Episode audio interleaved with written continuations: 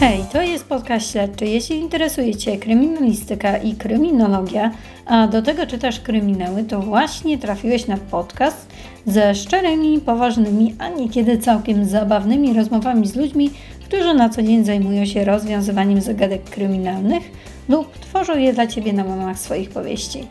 Zapraszam do słuchania Policjantka ulicy. Hej moi drodzy, to jest podcast śledczy, jestem policjantką ulicy. Dzisiaj moim gościem jest psycholog specjalizujący się w zagadnieniach związanych z psychologią sądową, śledczą i kliniczną Łukasz Wroński. Miło mi. Hej, a będziemy sobie rozmawiać o osobowości seryjnych i wielokrotnych morderców, bo tak się składa, że Łukasz jest autorem książki Seryjni i wielokrotni mordercy profilowanie psychologiczne i psychogeograficzne. Łukaszu, Utarło się takie przekonanie, że na psychologię wybierają się osoby, które najczęściej mają największe problemy z samym sobą. Złamiesz ten stereotyp, czego powielisz? Jak to jest w Twoim przypadku? Jak No. to, dlaczego wybrałeś psychologię? Dlaczego ja wybrałem psychologię? No może powiedzieć, że jestem takim wyjątkiem od reguły. E, to znaczy, Na pewno. nie no, szukałem sposobu na to, żeby w praktyczny sposób zastosować wiedzę psychologiczną do tego, żeby e, zajmować się łapaniem przestępców, ponieważ pierwotnie chciałem pracować w policji, ale chciałem być właśnie takim policjantem, który e, wie, co siedzi w głowie człowieka, który popełnia jakieś brutalne przestępstwa, e, bo takimi sprawami chciałem się zajmować. I postanowiłem, że najlepiej będzie, jeśli zacznę od podstaw, czyli udam się na psychologię i dopiero po psychologii wstąpię do policji, że psychologia wyposaży mnie w jakąś taką wiedzę dotyczącą tego, skąd u ludzi biorą się właśnie takie potrzeby, które realizują w sposób straszny, mordując innych ludzi i to często ze szczególnym okrucieństwem. No więc nie miałem potrzeby zbawiania świata, jak to często jest, ani odnajdywania własnej drogi życiowej, jak to również często jest i akurat ten stereotyp mogę potwierdzić, jeśli chodzi na przykład o moich współsłuchaczy na studiach. E, Natomiast u mnie to raczej szło w tym kierunku, że psychologia i nie praca psychologa, tylko praca e, w policji w pionie śledczym, bądź właśnie w pionie Ale psychologicznym. policjantem nie zostałeś. Nie zostałem policjantem, dlatego ponieważ poszedłem troszeczkę naokoło, to znaczy odbywałem praktyki w Komendzie Głównej Policji e, w sekcji policyjnej psychologii stosowanej, więc tam troszeczkę zobaczyłem jak wygląda ta praca od kuchni. E, złożyłem papiery do policji, e, tylko wiadomo, ta procedura też troszeczkę trwa, m, jeśli chodzi o kwalifikacje, nawet troszeczkę to mało powiedziane, bo w moim wypadku to trwało rok czasu, jeśli chodzi o testy sprawnościowe i psychologiczne. E, W międzyczasie postanowiłem również, że e, zobaczę, jak funkcjonują przestępcy, którzy cierpią na zaburzenia psychiczne, bo wcześniej w trakcie studiów e, zacząłem już przeprowadzać badania i na końcu moich studiów sprawców, którzy cierpią na zaburzenia osobowości, na zaburzenia preferencji seksualnych, którzy odsiadują karę pozbawienia wolności, więc jeździłem sobie po więzieniach, badałem ich, analizowałem ich akta, co było jakimś takim moim przyczynkiem do tego, żeby w końcu wydać książkę na ten temat. E, ale nie wiedziałem, jak zachowują się ci mordercy psychotyczni, czyli tacy, Mhm. którzy popełniają zbrodnie pod wpływem psychozy, dlatego, bo oni nie odsiadują kary pozbawienia wolności w więzieniu, tylko są na tak zwanej detencji, czyli są Mhm. umieszczani w zakładach dla psychicznie chorych e, o maksymalnym, wzmocnionym albo podstawowym stopniu zabezpieczenia. No i postanowiłem, że udam się właśnie na taki oddział e, na praktyki, żeby zobaczyć, jak to wygląda. Tak samo jak wcześniej chciałem zobaczyć od kuchni, jak to wygląda i udałem się na praktyki do Komendy Głównej Policji. No i zgłosiłem się na staż do szpitala Tworkowskiego na oddział o wzmocnionym stopniu zabezpieczenia. E, Czyli no i moż- tutaj, Czyli gdzie tutaj, gdzie jesteśmy, tak. No i można by powiedzieć tak kolokwialnie, że wsiąknąłem. E, To znaczy atmosfera pracy i też moja ciekawość poznawcza, jeśli chodzi o przypadki, z którymi miałem do czynienia, była tak duża, no, na tyle fascynująca, że coraz bardziej zaczynałem się zastanawiać, czy właśnie nie powinienem pójść tą drogą, czyli nie zostać po prostu psychologiem sądowym, Mhm. psychologiem śledczym. Jeszcze traf tak chciał, nie wiem, przeznaczenie, jak ktoś wierzy w takie rzeczy, że spotkałem e, właśnie na oddziale, na którym pracowałem, Jana Głębowskiego, no wtedy jeszcze pana Jana, teraz mojego kolegę Janka, przyjaciela, e, u którego kiedyś jeszcze byłem na szkoleniach właśnie z profilowania kryminalnego, ponieważ tego też miała dotyczyć moja praca magisterska, a później książka. E, Wtedy na tym etapie jeszcze, jak byłem u niego na szkoleniu, to konsultowałem pewne rzeczy, jeśli Mhm. chodzi o profilowanie działania właśnie seryjnych morderców, bo tego typu sprawcy mnie najbardziej interesowali badawczo. No i jak poznałem go tutaj, zaczęliśmy jakoś ze sobą współpracować. Janek jakoś tak mnie zaczął wdrażać e, w arkana mojego zawodu. Potem poznałem jeszcze Teresę Gordon, która zjadła zęby na opiniowaniu w najbardziej znanych sprawach, jeśli chodzi o ostatnie Polsce? 40 lat w Mhm. Polsce. Więc ona też, można by powiedzieć, wzięła mnie tak pod swoje skrzydła i oni pokazali mi, jak wygląda psychologia sądowa, jak wygląda psychologia śledcza. E, by powiedzieć, zarazili mnie tym. No i w międzyczasie oczywiście przeszedłem te testy sprawnościowe do policji, przeszedłem te testy psychologiczne i stanąłem przed takim dylematem, czy po prostu iść dalej w kierunku policji, czy jednak zostać w szpitalu, tak? No ale że już nabyłem jakiegoś pewnego doświadczenia. E, zacząłem też opiniować Mhm. sądowo-psychologicznie, jeszcze nie jako biegły z listy, tylko jako taki biegły ad hoc, czyli dopisywany do sprawy. I stwierdziłem, że tutaj jest mi bardzo dobrze i że tutaj się realizuję i że też tak naprawdę być może nawet jestem w stanie poruszać się w większej materii niż mógłbym w policji, bo tutaj w trakcie mojej pracy no, codziennie miałem na przykład do czynienia z osobami, które kogoś zamordowały, Mhm. więc miałem strasznie duży tak zwany materiał badawczy, jeśli chodzi o właśnie działania sprawców przestępstw, a że chciałem się zajmować profilowaniem psychologicznym i o tym też myślałem idąc do policji, to stwierdziłem, że e, no też są tak jak Janek, nie muszę pracować w policji, żeby Dokładnie, robić żeby to profile, robić. a tak naprawdę pracując w szpitalu mam bardzo bogatą pulę doświadczeń. Skonsultowałem to też no, czy z Jankiem, czy z innymi moimi znajomymi, których w międzyczasie poznałem Mhm. już pracując na sądówce i współpracując z Jankiem z policji i oni jakoś mnie w tym utwierdzili, że e, jest to dobry Możesz pomysł. mieć tak? jedno i drugie. Że można mieć jedno i drugie, wiesz. y, Często może gdyby to było tak, że jakbym miał te 20 lat i dopiero zaczynał swoją drogę życiową, ale ja już miałem mm, 30 lat na karku, skończone studia, e, jakieś tam doświadczenie, moje nazwisko zaczynało być już rozpoznawalne. E, Właśnie moja książka miała zostać, znaczy już była udało, uda, wydana, już ukazała Mhm. się w druku, więc w związku z tym zaczynanie wszystkiego z zupełnego zera, No. e, odwieszanie swojego życia na kołek, stwierdziłem, że no nie ma sensu, tak? Mhm. Wiesz, już idzie to w tym kierunku, a że tak naprawdę byłem zaspokojony, bo i uczestniczyłem w śledztwach, i w jakiś sposób przyznałem te profile, i tak jak mówię, e, praca psychologa sądowego, uczestniczenie w przesłuchaniach, czy to w sądzie, czy to w prokuraturze, no jest to coś na tyle interesującego, że e, wyczerpywało znamio- znamiona tego, co chciałbym robić też w policji, więc stwierdziłem, że no po co przechodzić teraz jakąś Tak. nadzwyczajną metamorfozę, że tu jest mi Później dobrze, byś stał idę- albo tak, Marx na przykład, tak? Dokładnie. Kiedyś tak anegdotycznie mogę powiedzieć, miałem taką sytuację, że siedziałem sobie na ławce z kolegami w centrum, podeszło do nas dwóch panów, policjantów, dziwiliśmy się dlaczego podchodzą, jak nic tam nie spożywamy, a oni tak w końcu nam się przyznali, że tak trochę im nudno i tak chcieli postać i pogadać dosłownie. A ja mówimy, to idźcie sobie tam, może kawałek dalej, tam się chyba coś dzieje, jakiś koncert jest, bo tam pod pałacem Mhm. było, mówi- oni tak mówią, no gdybyśmy tylko mogli chodzić tam, gdzie chcemy, to byłoby No. super. No więc chyba Uwielbiam, jednak dobrą tak. drogę wybrałem, tak sobie No, powiem myślę, skromnie. że każdy ma swoją jakąś. No właśnie. Ty masz taką. E, dobra. E, zaczy, e, zanim zaczniemy rozmawiać o osobowościach sprawców, chciałam, żebyś wyjaśnił, czym różni się morderca seryjny od wielokrotnego. O, różnica jest istotna, jeśli chodzi na przykład o predykcję działania sprawcy. To znaczy, seryjny zabójca to jest taki przestępca, dla którego najważniejszą potrzebą, którą on zaspokoja, jest zabijanie. To są osoby, dla których morderstwo jest tą czynnością, która ich nakręca, czy to seksualnie, czy emocjonalnie.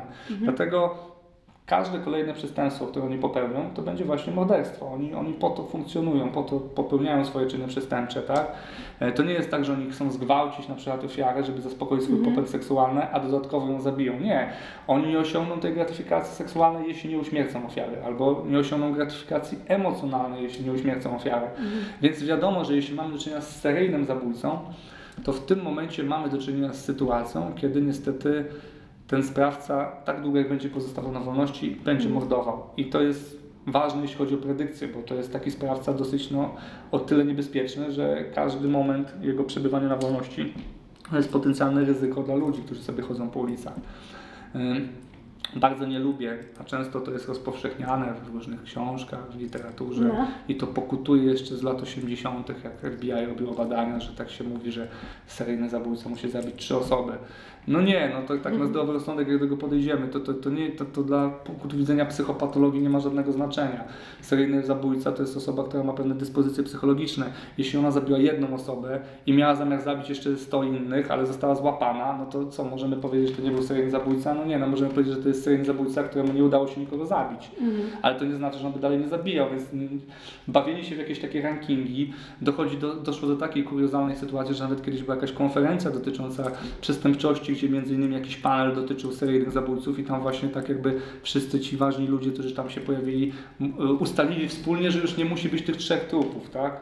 Mm, Z mojej perspektywy no, jest to żenujące, no bo to powinny się teraz jakieś takie wskaźniki, nie wiem, standardy. Ty Mhm. zabiłeś dwie osoby, jeszcze nie jesteś, a już zabiłem cztery, to już jestem, tak? A trzy, czyli u, jestem jedną nogą po tej stronie. No nie, no. To są straszni sprawcy, którzy psychopatologicznie mają potrzeby zabijania.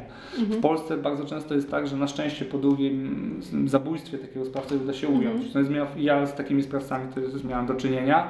Ewidentnie jakby byli na wolności i na 100% zabijaliby dalej. Ale na szczęście udało się ich wyciągnąć z tego społeczeństwa i nie stanowią już zagrożenia.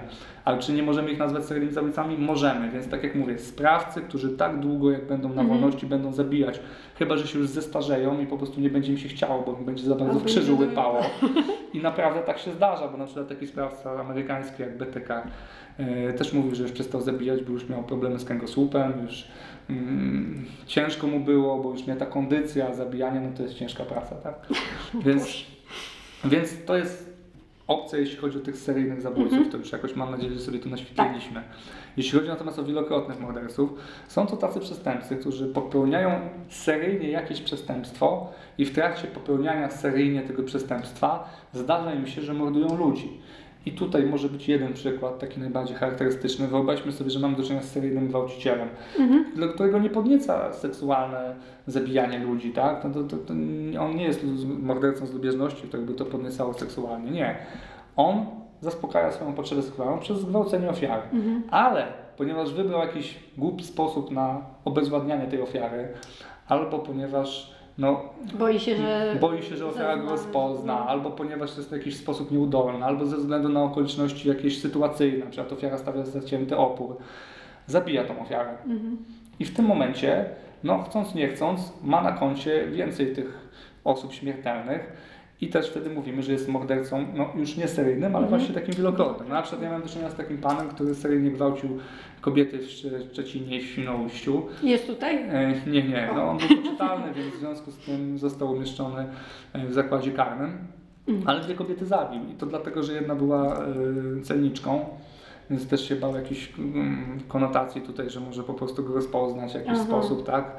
E, Jego brat miał przeszłość przestępczą, on akurat nie miał, ale no bardziej był czujny na tych, w tych kwestiach. W przypadku drugiej ofiary ta pani była sportsmenką, więc była osobą dosyć sprawną fizycznie, a ten pan pomimo tego, że był krępej budowy ciała i też dysponował dosyć dużą siłą fizyczną, miał uszkodzone od urodzenia bark i w związku z tym miał ograniczoną możliwość poruszania się, jeśli chodzi o ruchy jedną z rąk. Mhm. I kiedy ta pani zaczęła stawiać bardzo zaciekły opór, zaczęła walczyć no, w swoim mniemaniu o życie tak naprawdę, Mhm. nie tylko o swoją wolność seksualną, ten pan, przełamując jej upór, opór, udusił tą panią, tak? E, zamordował ją. No więc miało na koncie już dwie osoby śmiertelne, e, więc no też można powiedzieć, że stał się wielokrotnym mordercą, no bo już nie raz, a dwa razy to zrobił, ale ponieważ był sprytnym człowiekiem i poszedł po rozum do głowy, zmienił swój modus operandi i na przykład posługiwał się już wtedy kominiarką i atrapą pistoletu, żeby ofiary nie mogły go rozpoznawać i żeby móc w ten sposób już zastraszać. bardziej, tak. no właśnie. Więc jak widać, poszedł po rozum do głowy. Ale są tacy sprawcy, no, którzy tego nie robią. Na przykład e, pan Tuchlin, który ma dużo ofiar śmiertelnych na koncie, no wybrał sobie taki sposób obezwładniania pan, pań, z którymi chciał współżyć seksualnie, że walił je młotkiem w głowę. E, No i nawet nie liczył, ile razy to zrobił, jak on sam mówił e, podczas wizji lokalnych, że ręka sama chodziła, tak?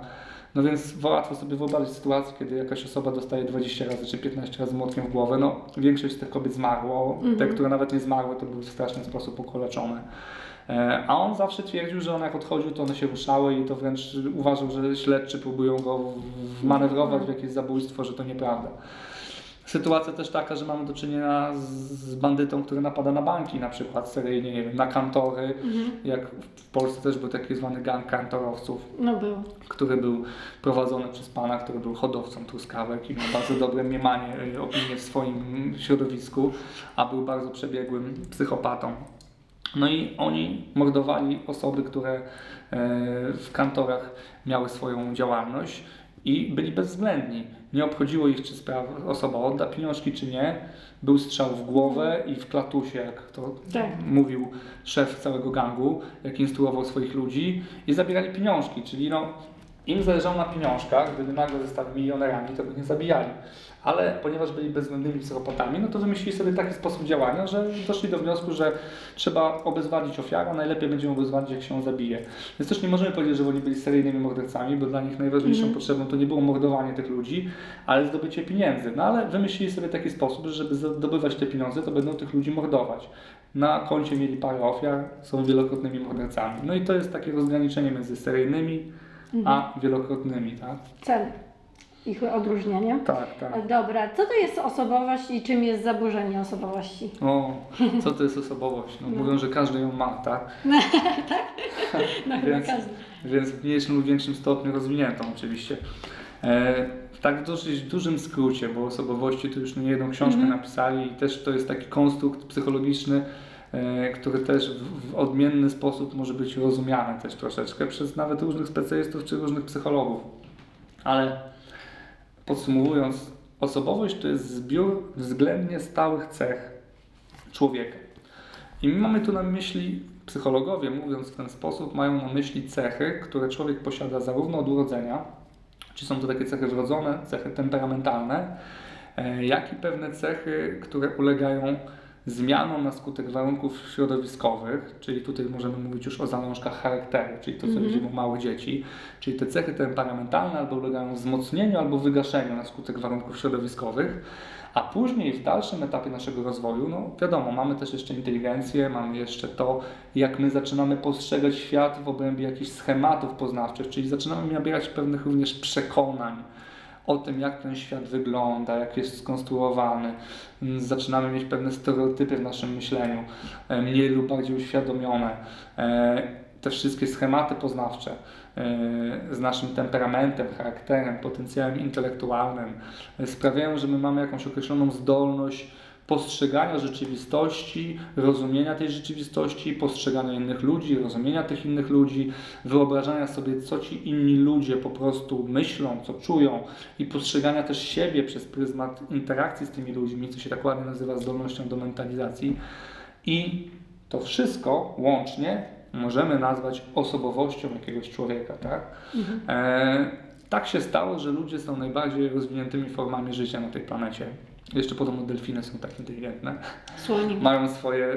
No, o słoniach słyszałem, natomiast słyszałem, że delfiny mają też. i zdolne do zemsty na A, przykład. natomiast słyszałem, że delfiny też jako jedne z, nie, z nielicznych na tej planecie, no pomijając ludzi, podobno mają coś, co można nazwać faktycznie takim One językiem. tworzą gangi w ogóle No i gwałcą Ojej, delfiny, tego, naprawdę. tego nie słyszałem. No jestem dobrze, że, dobrze, że ludzi rzeczy- nie gwałcą No. po prostu, bo to trzeba było ostrzec tych panów, panie, które pływają.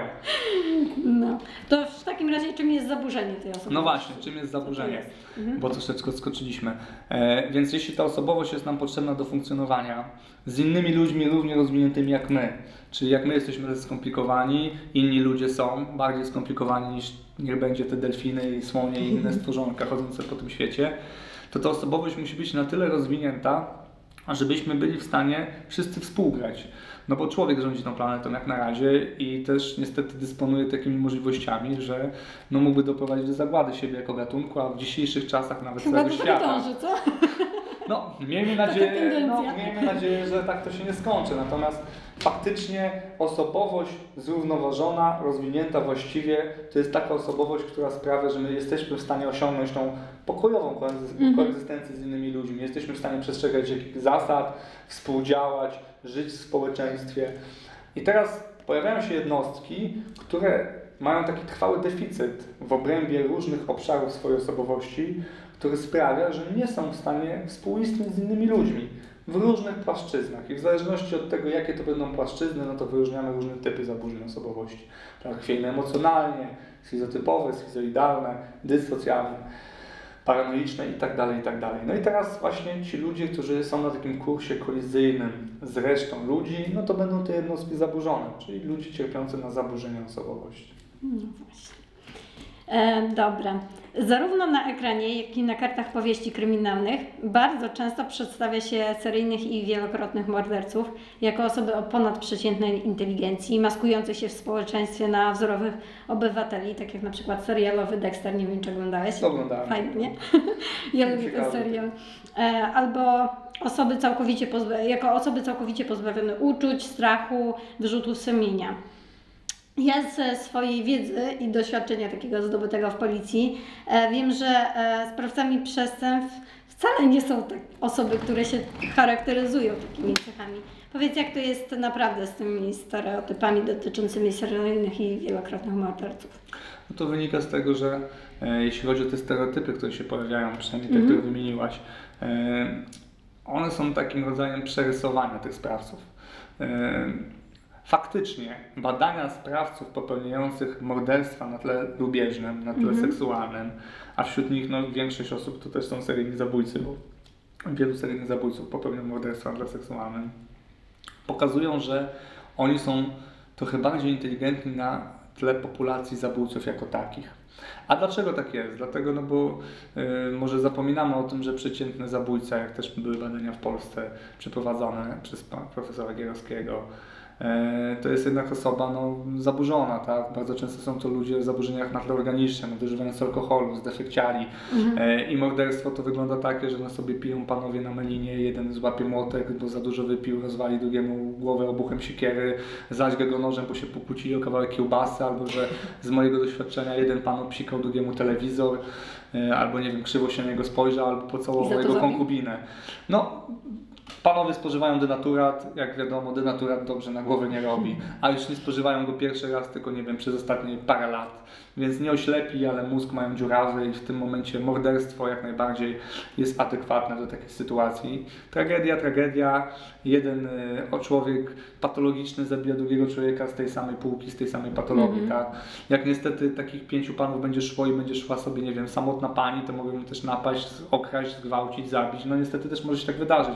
No więc jak widać, większość morderców to nie są geniusze zbrodni, to nie są opowieści z kart Agaty Christie, że ktoś w jakiś nadzwyczajny sposób misternie knuje jakąś intrygę po to, żeby się kogoś pozbyć. Tak jest w większości Hannibal wypadków. na przykład, nie? Albo Hannibal Lecter, dokładnie, z, z powieści Toma Harrisa. Więc na tym tle seryjni zabójcy działający na tle seksualnym wypadają lepiej, bo bardzo często tacy sprawcy to są przeciętni kowalscy, a przeciętny kowalski no, wypadnie lepiej niż zdefekciały alkoholik no, yy, na tle organicznym, mordujący drugiego człowieka. Yy, ale tak na przykład niewiele, jeśli chodzi o inteligencję, różni sprawców działających seryjnie od sprawców, którzy mordują na tle rabunkowym, którzy po prostu też muszą pokombinować, żeby na przykład włamać się do mieszkania, a potem nagle oho, ktoś tutaj jest, no i muszę się go pozbyć, bo będzie świadek. E, tak się też zdarza, albo nie wiem, przestępców działających w zorganizowanych grupach przestępców, którzy też mają jakąś głowę na sumieniu, płatnych zabójców. To też są ludzie, którzy muszą dobrze kombinować, więc tutaj ja bym nie szedł w kierunku, że to są sprawcy ponadprzeciętnie inteligentni. Oni mają inteligencję taką, jak ma populacja ogólna. Są ci mądrzy, są ci średnio inteligentni, są ci, którzy są po prostu mówiąc kolokwialnie głupi, są też ci, którzy są bardzo inteligentni, tak jak też tacy ludzie się zdarzają. To jest raz. Dwa, proszę sobie wyobrazić, jak ta biedna policja, jak służby mają łapać człowieka, który tak naprawdę najczęściej z ofiarą w żaden sposób nie jest powiązany. W przeciwieństwie do tego, co pokazują w filmach, które no, ja staram się jednak unikać, bo jak widzę, jak po pyłku potrafią namierzyć, w którym części dżungli po prostu sprawca był, bo to widziałem w jednym odcinku CSI Miami, że z buta zdjęli jakiś pyłek i komputer im powiedział, w którym miejscu dżungli ta jedna roślinka rosła na całą dżunglę brazylijską i nikt nie był w stanie złapać tych bandytów, ale CSI Miami pojechało i rozbiło cały karton narkotykowy.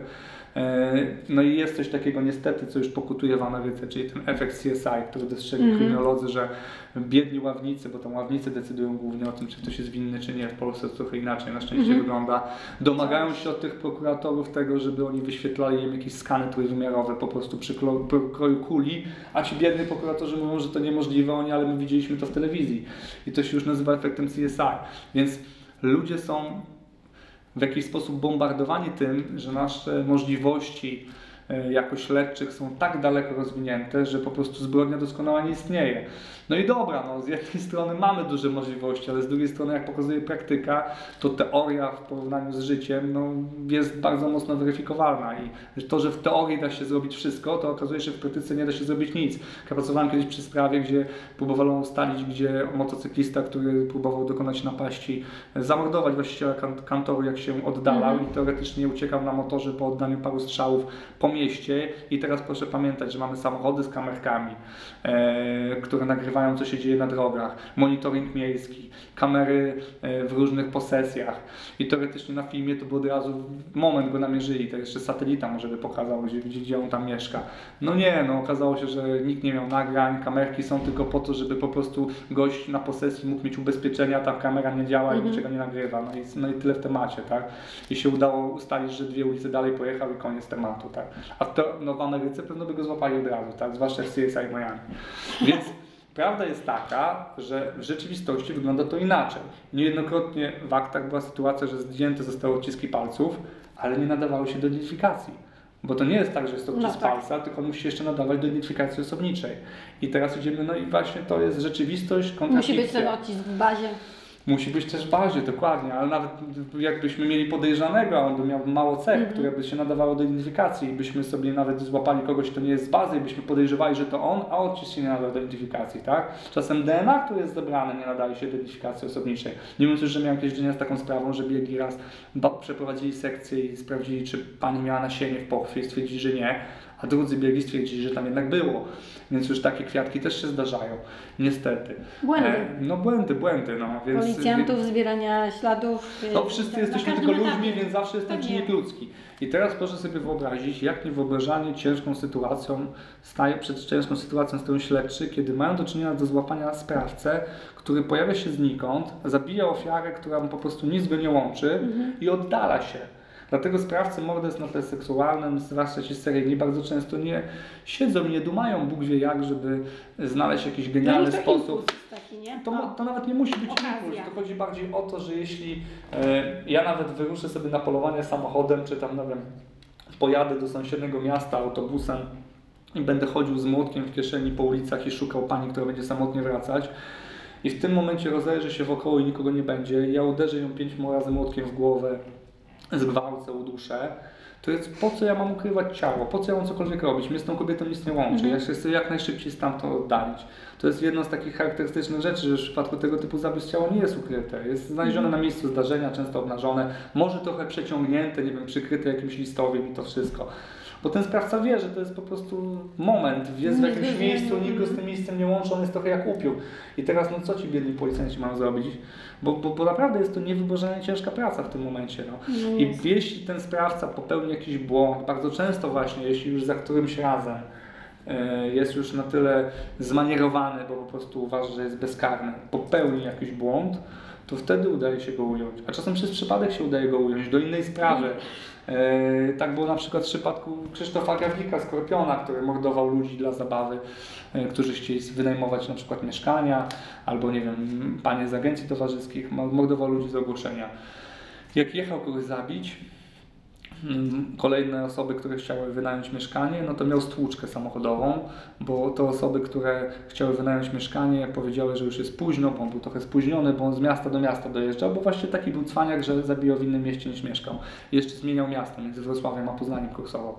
No i zdenerwował się, wypił sobie dwa piwka, żeby się wyluzować i trafił w inny samochód. Oddalił się z miejsca zdarzenia. Tamten pan od razu poinformował policję i podał rejestrację. I kawałek dalej policjanci go zatrzymali w kontroli drogowej. E, on oczywiście nie chciał się zatrzymać na początku, no bo wiedział, że jest po dwóch piwach, ale w końcu się zatrzymał. Przeszukali mu bagażnik. E, w bagażniku był pistolet automatyczny Skorpion. No, pan Krzysztof powiedział, że oczywiście go znalazł. e, I chciał go zawieźć na policję, dlatego tak szybko jechał. No oczywiście policjanci w to nie uwierzyli, ale też sprawdzili, że pan nie jest jakimś bandytą, no bo pierwsze skojarzenie, no to Mhm. jakiś członek z zorganizowanej grupy, no to inny karabin maszynowy nosił No w tak. bagażniku. Okazało się, że z pistoletu zostało zamordowanych już parę osób, tak? Gdyby nie ten wypadek, Gawik pozostałby na wolności, zabijałby dalej. I to często są takie historie w przypadku Czy tych ten seryjnych film zabójców. Wściekły chyba na, na podstawie Skorpiona został? No. Czy pomyliłam? Nie jestem pewien. Zwłaszcza, że kryptonim Skorpion to był kryptonim, który zarówno przypisywano Tuchlinowi, bo on atakował z taką Mhm. impulsywnością, jak również Gawlikowi z racji tego, że on właśnie posługiwał się tym karabinem marki Skorpion i stąd ten pseudonim też dla tego pana. Natomiast to jest powód, dla którego tym sprawcom przypisuje się ponadprzeciętną inteligencję. Jeśli oni długo pozostają na wolności, to co myśli sobie opinia społeczna? No jeśli po prostu policjanci są tacy genialni, bo mają taką super technologię, to po prostu wystarczy pstryknąć palcami i złapią, złapią tego sprawcę. Jeśli oni nie łapią tego sprawcy, to znaczy, że nie wiem, są nieudolni, głupi, nie chce im się, co oczywiście jest całkowitą nieprawdą. Ludzie ci pracują z oddaniem, z presją, z presją społeczną, a prawda jest taka, że no, takiego człowieka naprawdę bardzo ciężko złapać. No, w ogóle ciężko czasem jest tak, bo też miałem do czynienia z takimi sytuacjami, że już praktycznie wiemy, kto jest mordercą, ale trzeba jeszcze mu to udowodnić w sądzie. To jest Mhm, kolejna rzecz, o której zapominamy, tak? No, więc stąd te mity na temat ponadprzeciętnej inteligencji. Natomiast jeśli chodzi o to maskowanie No. się, tak, to w przypadku sprawców tego typu należy pamiętać, że my lubimy się dawać oszukać, no, jako ludzie, tak?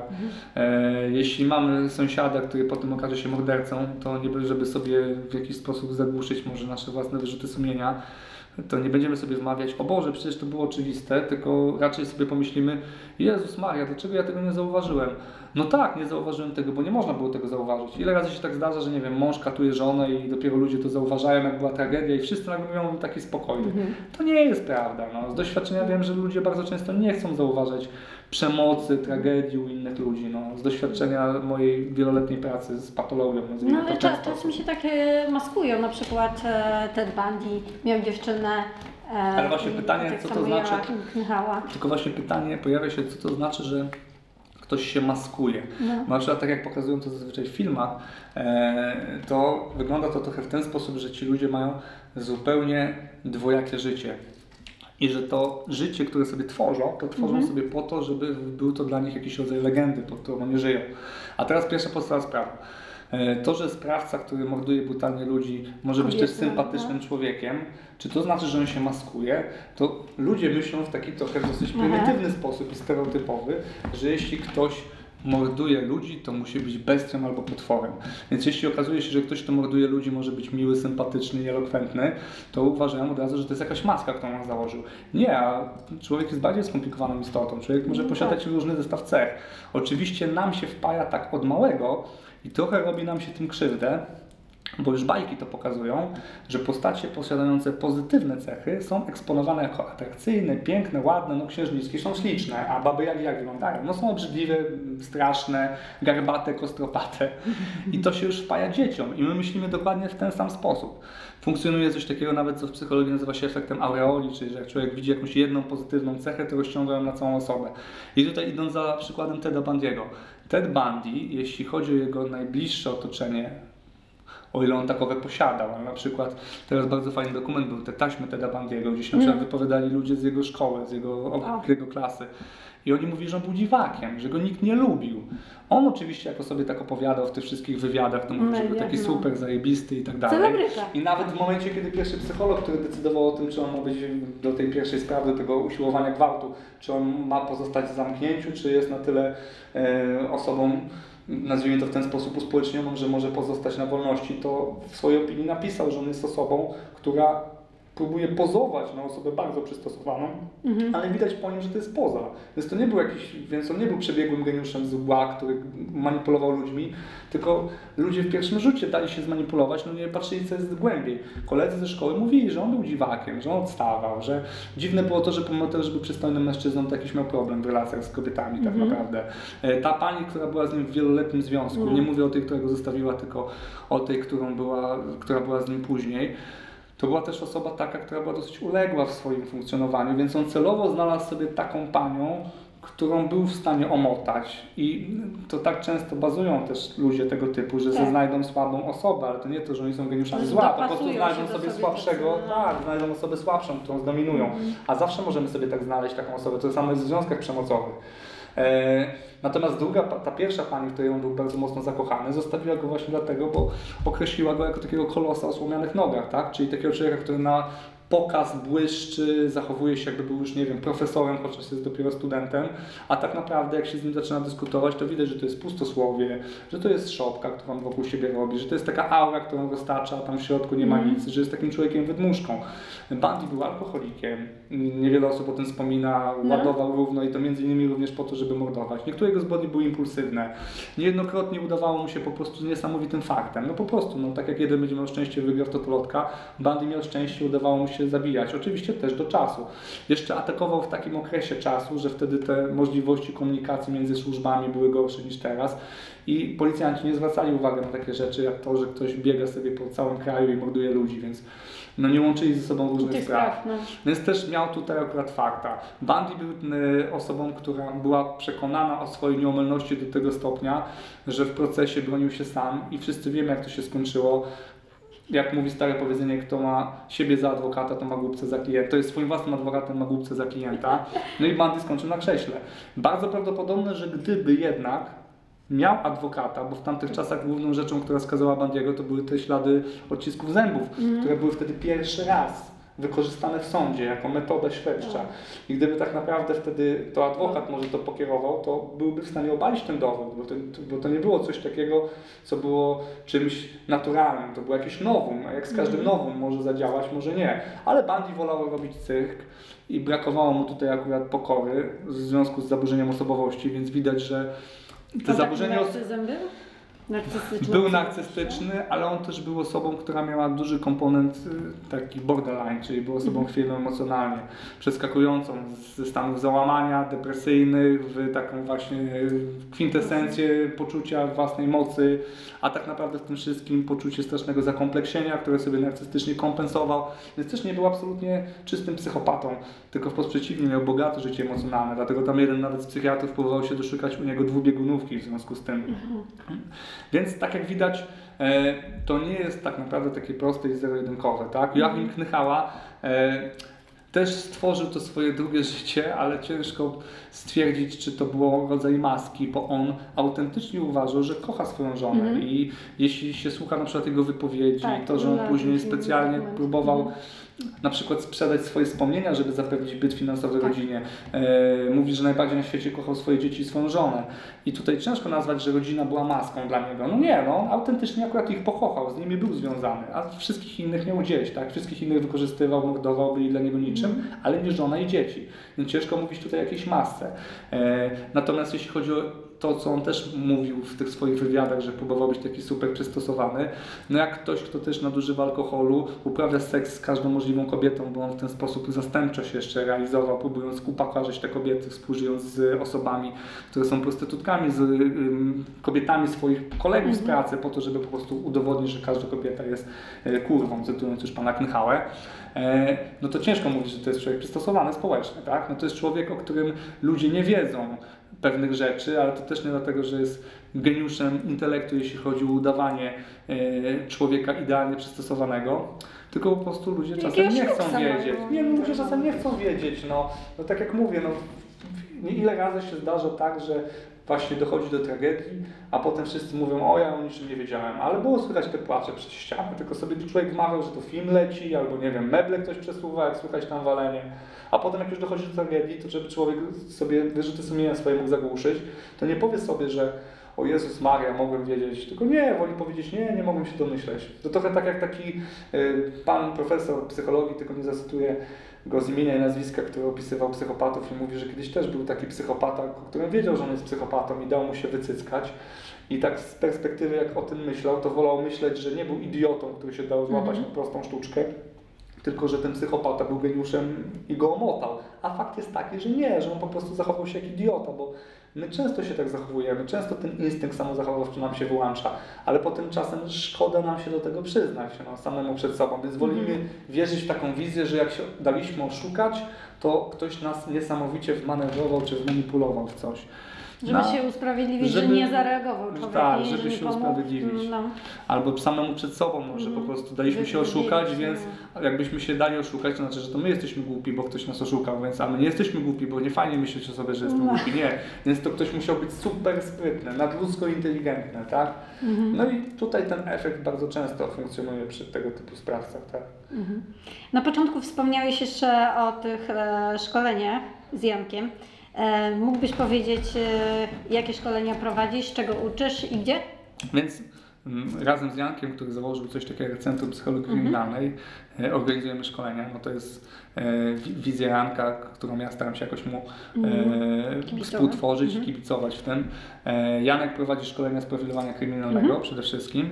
E, to jest właśnie też to szkolenie, od którego można powiedzieć, że moja przygoda z profilowaniem kryminalnym się zaczęła, bo szczerze powiem, że też na samym początku, jak e, patrzyłem, jak to wygląda też przez pryzmat e, publikacji amerykańskich, czy też filmów Mhm. i telewizji i książek, to tak byłem do tego trochę sceptyczny, ale poszedłem na szkolenie do Janka, okazało się, że to ma ręce i nogi, jest całkiem sensowne i ma to jakieś takie podwaliny naukowe, nie jest to takie wróżenie z fusów, jak na początku myślałem. Więc Janek robi szkolenia z profilowania kryminalnego, a ja z racji tego, że się specjalizuję w tej tematyce seryjnych zabójców, robię szkolenia poświęcone profilowaniu, ale seryjnych sprawców działających na tle seksualnym, no głównie seryjnych zabójców, tak? Mhm. E, I też seryjnych gwałcicieli, no bo to jest to, w czym się najbardziej odnajduję, tych sprawców badałem, więc opowiadam o czymś, co jest związane z jakimś moim doświadczeniem zawodowym, tak? Dobra, super. Na pewno się wybiorę. Już na jednym byłam. Okej, super. Teraz kolejny. E, dobrze, dziękuję Ci bardzo. Dziękuję bardzo.